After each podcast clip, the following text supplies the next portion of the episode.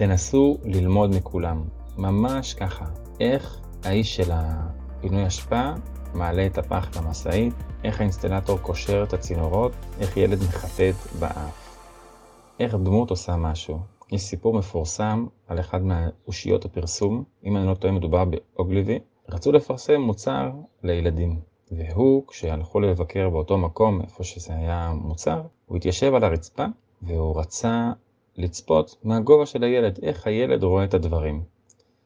גם בסופר, לדוגמה, לא סתם ממקמים דברים מסוימים בהישג ידם של ילדים כשהם מיועדים לילדים, או דברים מסוימים בצד שמאל, או גובה מדף מסוים, כי אנשים עובדים בצורה מסוימת, ומנסים לראות איך בן אדם אפילו נכנס לסופר, איך בן אדם עושה פעולה. ואז אחר כך, כשמתאימים את המוצר לבן אדם, כשעושים מחקר שוק, מנסים להבין את הלכי רוח, לראות איך בן אדם עושה בצורה מסוימת.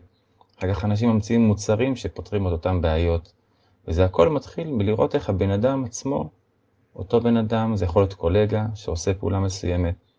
זה יכול להיות סתם בן אדם ברחוב, שוב, שעושה משהו מסוים. תנסו להבחין איך האנשים עושים את הדברים שהם עושים. לראות איך הם פועלים, להבין את הפעולות שלהם, ללמוד מהם. גם קולגות, כשהם עובדים בצורה מסוימת, תלמדו איך הם עושים. תבינו את השיטת עבודה שלהם. אחר כך תשדרגו את השיטת עבודה, תשפרו. אם משהו לא מוצא חן בעיניכם, כן מוצא חן בעיניכם, זה כבר שלב הבא. אבל קודם כל, לנסות ללמוד מכולם.